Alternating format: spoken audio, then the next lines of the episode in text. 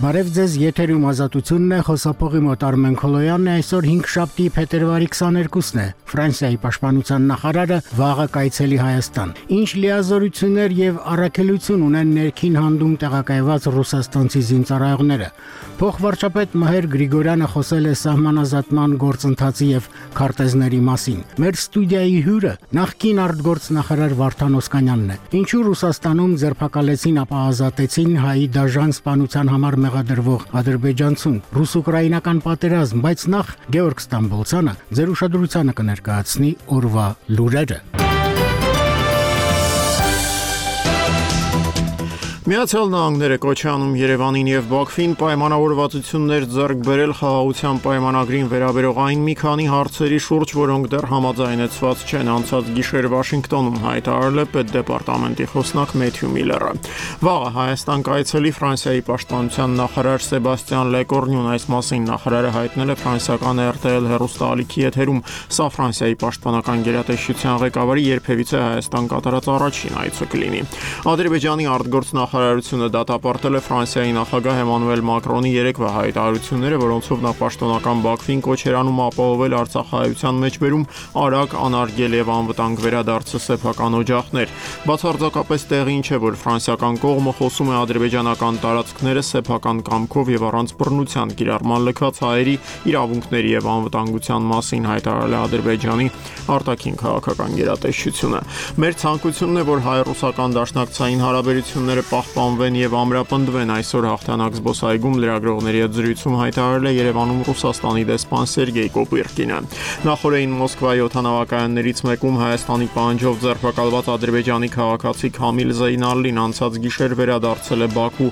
Հայրապահները Զեյնալին մեղադրում են 2020-ի հոկտեմբերին Հադրութի երկու բնակիչների սպանությանը մասնակցելու մեջ։ Միացյալ Նահանգների նախագահի գրեհիկ հայտարարությունները մեծագույն խայտարակություն են հենց իր երկրի համար մեկնաբանելով Ջոզեֆ Բայդենի վերջին հայտարարություններն այսօր նշել է Կրեմլի խոսնակ Դմիտրի Պեսկովը հիշեցնեմ չորեքշաբթի երեկոյան կայացած նախընտրական հարահավաքներից մեկի ժամանակ Բայդենը Ռուսաստանի նախագահին անվանել էր մեջբերում խելագար Պորնիկի վաստակ։ Առնվազն 1 մարդ է զոհվել եւս 5-ը վիրավորվել են այսօր առավոտյան Երուսաղեմի մերձակայքում տեղի ունեցած ահաբեկչական հարձակման հետևանքով Reuters-ի տեղեկություններով 3 պաղեստինցիներ կրակ են արձակել Երուսաղեմից դեպի Հորդանանի արևմտյան ափուղևորվող մեքենաների վարորդների եւ ուղևորների ուղությամբ։ Ուկրաինայի նախագահ Վլադիմիր Զելենսկին երկրի խորհրդարան ներկայացրել ժամկետային զինծառայողների զորացրման մասին օրինագիծը դրա համաձայն այն զինծառայողները, որոնք ժամկետային ծառայություն էին անցնում Ռուսաստանի հետ պատերազմի մեկնարկի պահին եւ այդպես էլ չէին զորացրվել, կարող են տուն վերադառնալ արդեն մոտ ապագայում նախագահի հատուկ հրամանագրով։ Հրամանագրի ժամկետները սակայն Զելենսկու կողմից ներկայացված փաստաթղթում չեն հստակեցվում։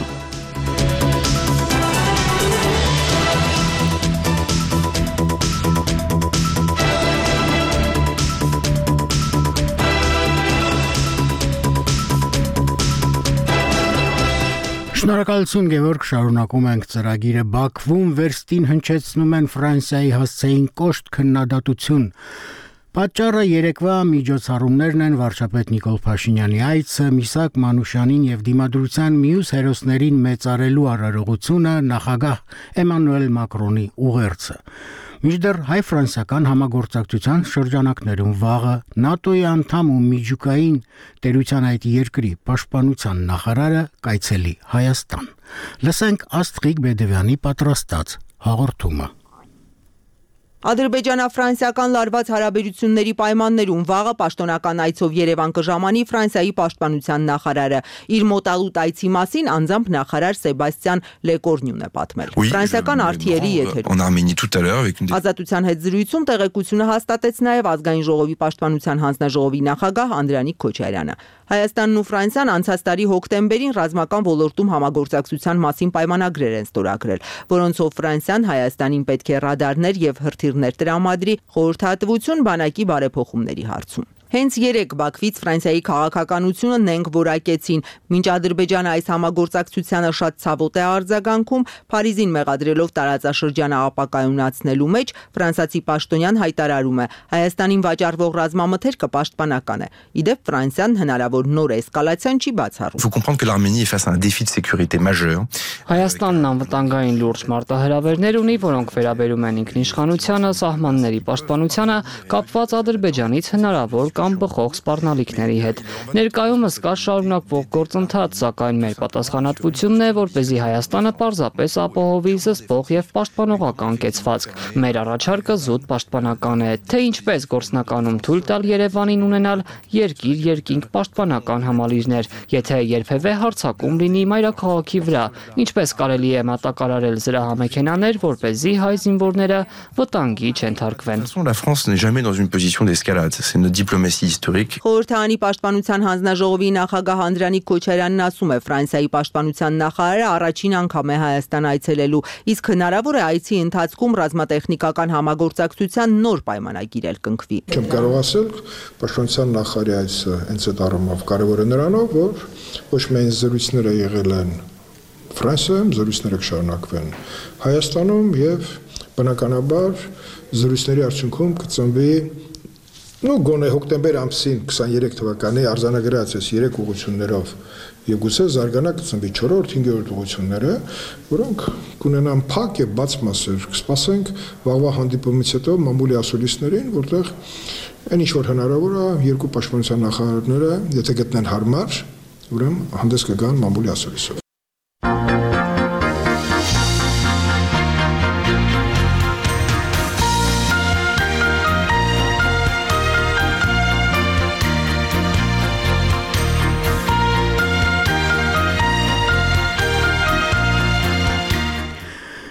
Սյունիքի մարզ Կապանի համայնք գյուղ ներքին հանդ, որտեղ վերջերս արյունալի միջադեպ էր։ Այս սահմանամերձ բնակավայրում կան ռուսաստանցի զինծառայողներ, որոնց գործողությունները քննադատության են արժանացել։ Ոչ հստակ է նաև նրանց կարգավիճակն ու առաքելությունների շրջանակը։ Լսենք Ռուզաննա Ստեփանյանի հաղորդումը։ Ներքին հանդի հայկական դիրքերում ռուսական ներկայություն չկա, որ կարողանային կանխել կամ չկանխել ադրբեջանական հարձակումը։ Ազատության է զրույցում պնդեց Կապանից ընտրված իշխող քաղաքացիական պայմանագիր խմբակցության падգամավոր Նարեկ Ղահրամանյանը, շեշտելով, որ փետրվարի 13-ին, երբ տեղի ունեցան արյունալի բախումներ, դիրքերում ծառայություն էին իրականացնում ԵԿՄ կամավորները։ Միջդեռ 3 անվտանգության խորհրդի քարտուղար Արմեն Գրիգորյանն ասել էր, թե ռուսական կողմն է այնտեղ ներկա, բայց չի կանխել արյունալի բախումը ներքին հանդում վերջին միջադեպը, որը եղել է, Եվրամիության դիտորդական առաքելությունը այդտեղ հասանելիություն ունի եւ միայն Ռուսաստան այդտեղ հասանելիություն ունի եւ Ռուսաստան ներկայ է այնտեղ եւ Ռուսաստանը չի կարողացել կանխել միջադեպը։ Նախ ասեմ, որ ես տեղյակ չեմ ինչ իրավական պայմանագիր կա սահմանը վերահսկողությունը ռուսական կողմին հանձնելու, բայց փաստացի հողի վրա սահմանը հսկում են հայկական զինված ուժերը, այդ օրին հսկում են երկրապահ կամավոր ռուսականները։ Ռուսական ներկայություն գյուղում եւ դիրքերում չկա, վերևի հատվածում ճակատեն ծավ ճանապարհի վրա դեպի ներքին հանդ։ Իջնող կա ուղեկալ ռուսական անկեղծ ասած իրանք ներկայություն չունեն դիրքերում կոնկրետ որ կարանային կանխեին կամ չկանխեին Իրավական ինչ հիմքով եւ ինչ մանդատով են ռուսական ուժերը տեղակայված ներքին հանդ տանող ճանապարհին հայտնի չէ ազատությունն այսօր հարցում է ուղարկել անվտանգության խորհրդի ղեկավար Արմեն Գրիգորյանին ավելի վաղ էլ վարչապետ Նիկոլ Փաշինյանին։ Առայժմ պատասխաններ չենք ստացել։ Այն որ ռուսները ներքին հանդում խնդիրներ են հարուցում Եվրամիության դիտորդների համար, խոչընդոտելով նրանց մուտքը կոնկրետ այս համայնք, երեք հաստատեց Եվրամիության առաքելության ղեկավար Մարկոս Ռիտերը, ինչպես նաև Հայաստանի անվտանգության խորհրդի քարտուղարը ընդգծելով, իրենք այդ խնդիրը հասցեագրելու են թե ում են հասցեագրելու եւ կոնկրետ ինչ է դա նշանակում անվտանգության խորհրդի քարտուղարը չմանրամասնեց նաեւ չհստակեցրեց թե ինչու են ռուս սահմանապահները Եվրամիության դիտորդների համար խոչընդոտներ հարուցում հենց ներքին հանդում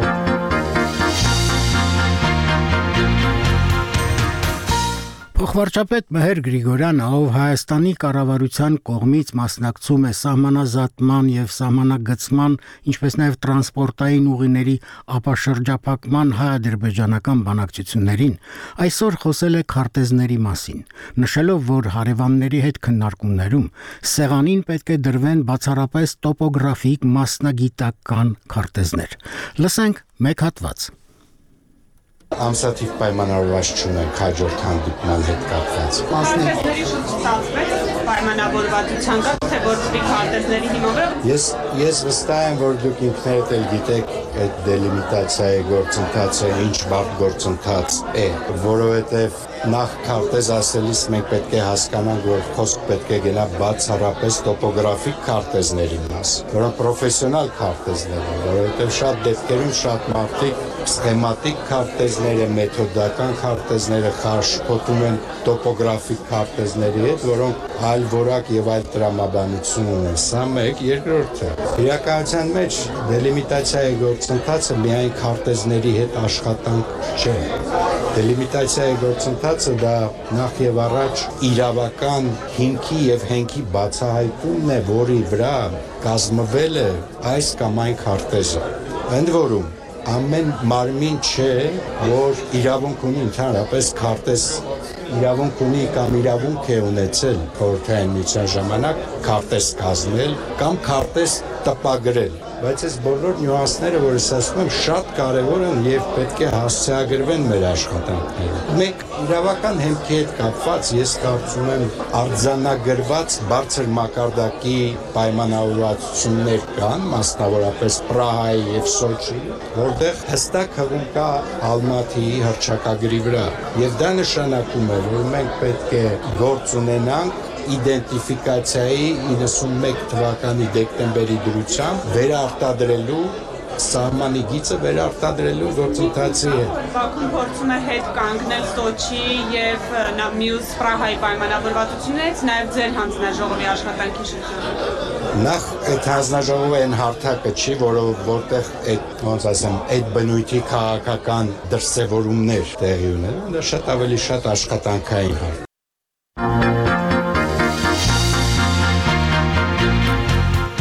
Արցախի հարցերով հանձնախմբի համակարգող Հայաստանի նախկին արտգործնախարար Վարդան Օսկանյանի փոխանցմամբ հարկ է շարունակել պայքարը Արցախահայերի իրավունքների համար։ Չի կարելի փակված համարել թեման, չի կարելի մերվել Արցախի կորստի հետ։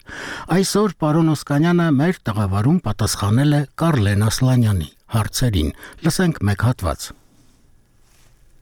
Դուք համակարգում եք Արցախի ժողովրդի հիմնարար իրավունքների պաշտպանության անվանումով հանձնախումբը, այսինքն դուք իրատեսական եք համարում, որ հայերի վերադարձը հիմա հնարավոր է, եթե ստանձնել եք այդ գործը։ Իհարկե, եթե այդպես չհամարեի, չէի ստանցնի։ Երկրորդ, անկախ ամեն ինչից, գիտեք, այս հարցը չբարձրացնել չխոսելը դա նույնիսկ մի ծայրահայության գնամ ասեմ, որ անձակորդություն կլինի։ Այս վերքը թերթարմ է, մեր հայրենագիցները իսկապես էթնիկ զտմանը սվարմայից գեգենդերից վրընդվել են ուղակի, իրենց դները թողել են գերեզմանները, ունեցվածքը, մեր ամբողջ հայ ժողովրդի պատմական ժառանգության մի մասը այնտեղ է եւ եկել են չխոսել դրանց վերաթարցի մասին այդ բանջարդիրությունները, ես կարծում եմ, որ դա իսկապես մեղսունակություն է, էլի։ Եվ քաղաքական տեսակետից, եւ իրավական տեսակետից, եւ բարոյական տեսակետից, եւ նաեւ ժողովրդի հբարտության տեսանկյունից բոլոր առումներով այդ հարցը պետք է այսօր բարձրացնել, հետաբնթել որտեղ դա նաև ռեալ խնդիր է։ Դա մասին ասում եմ, մենք ենք խոսում, աշխարհն է խոսում, կամ միջազգային դատարանի որոշում։ Միացյալ Նահանգները արտահայտվել, որ պետք է վերադառնան, Եվրոպան է արտահայտվել, Ռուսաստանն է ասում, նույն ինքը Ադրբեջանն է ասում, որ իրավունք ունեն գալու, չէ, բայց իրեն գալու մի քիչ այլ է։ Միջազգային հանրությանը մի քիչ ավելին է, քան Ադրբեջանինն է։ Իսկ մեր դրած խնդիրը այդ երկուսից էլ մի քիչ ավել է։ Դուք վկայակոչում եք միջազգային իրավունքը, եթե այն աշխատեր, կաշխատեր շրջափակման այդ երկարուձիգ ամիսների ընթացքում մարդիկ քաղցած առանց տարական պայմանների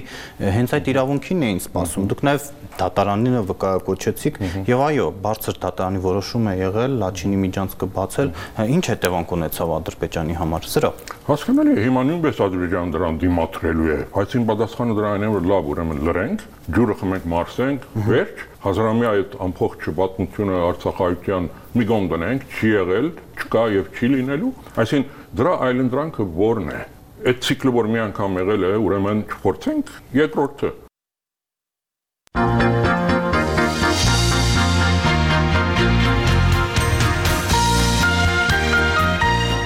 Թե ազատելու էին, բռնել էին, որ ինչ անեն, այս հարցը ակամա տալիս ես ընթերցելով լուրերն այն մասին, որ նախոր էին Մոսկվայում օտակայանում ձերբակալել, ապա ազատ են արձակել Քամիլ Զեյնալիին, ով մեղադրվում է հայերի դաժան սպանության համար։ Լսենք Նաիրա Բուլղադարյանի հաղորդումը։ Մինչ Մոսկվայում մի քանի ժամ ձերբակալված ադրբեջանցին գիշերը Բաքու հասնելիս շնորհակալություն էր հայտնում իր երկրի բարձրագույն ղեկավարությանն իրեն ազատելու համար, հայկական կողմը պատրաստվում է Հայաստանում պատերազմական հանցագործության համար մեղադրվող Քամիլ Զեյնալիի հանձնման փաստաթղթերն ուղարկել Ռուսաստան։ Ադրբեջանցի տղամարդն այստեղ մեղադրվում է 2020 թվականի պատերազմի օրերին հայանձեն ծերունուն գլխատելու համար։ Cənab prezidentə təşəkkür. Еще раз хочу Բոլորը մեծ ջանքեր գործադրեցին հանուն ինձ։ Շնորհակալություն։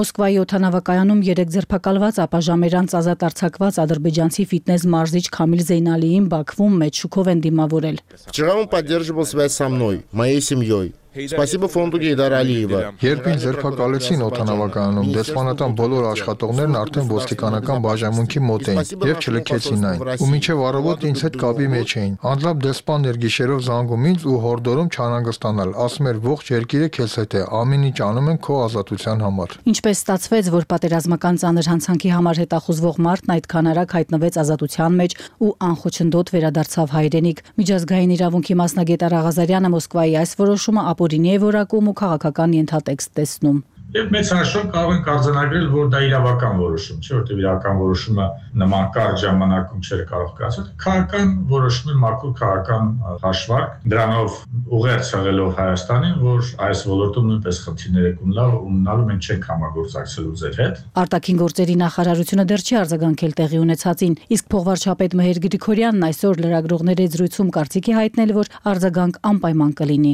Վստահ եմ, որ գործողություններ կլինեն, բայց հիմա չեմ ուզում ավելի մանրամասն խոսել, որովհետև այնուամենայնիվ հարցի հետ կապված նաև կոլեգիալ քննարկում պետք է լինի։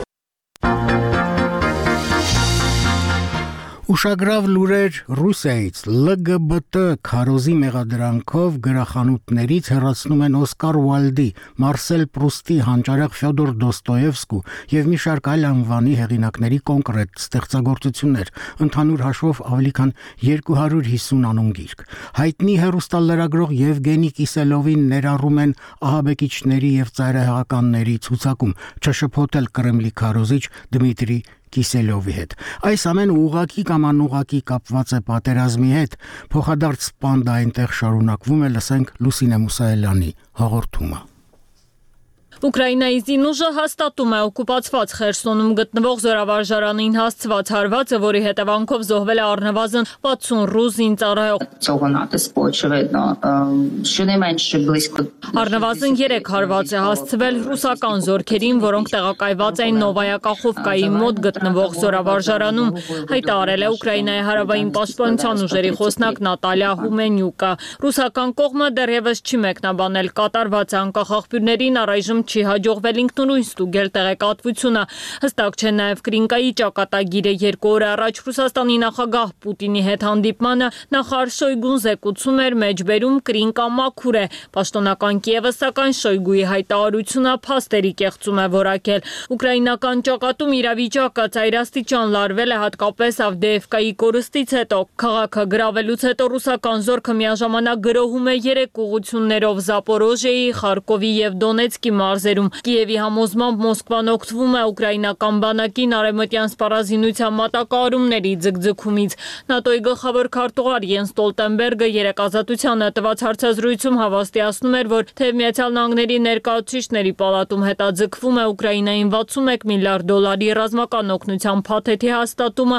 այլ երկրներ, այդ թվում Շվեդիան, Կանադան, Ճապոնիան մեծացնում են իրենց աջակցությունը։ The good news is that just over the last few days we have seen big new announcements for instance from Sweden with over Ստոլտենբերգը հայտարարել է, որ դաշնակիցներից F16 կործանիչները ստանալու դեպքում Ուկրաինան նույնիսկ կկարողանա հարվածներ հասցնել երկրի սահմաններից դուրս գտնվող ռուսական ռազմական թիրախներին, իսկ թե երբ F16-երը կհասնեն Կիև, ՆԱՏՕ-ի ղեկավարը դժվարացել է պատասխանել։ Ուղիղ 2 տարի Ռուսաստանի լայնածավալ ներխուժմանը դիմակայող Ուկրաինան, որն արդեն կորցրել է իր տարածքի 1/4-ը, ոչ միայն սպառազինության, այլև մարդկային ռեսուրսի լրջագույն խնդիրների է բախվել, եւ եթե զենքի հարցում Կիևի դաշնակիցները խոստանում են օգնել, ապա զինվորականների պակասը իր բնակչության թվականակով 3 անգամ հակառակորդին զիջող Ուկրաինան ստիպված է սեփական ռեսուրսներով համալրել։ Հարգելի ունկնդիրներ, այսքանով ազատությունը ավարտում է ցերեկային առաջին ռադիո թողարկումը, այն վարեց Արմեն Խոլյանը, մենք ծրագիրը կշարունակենք 40 րոպեից։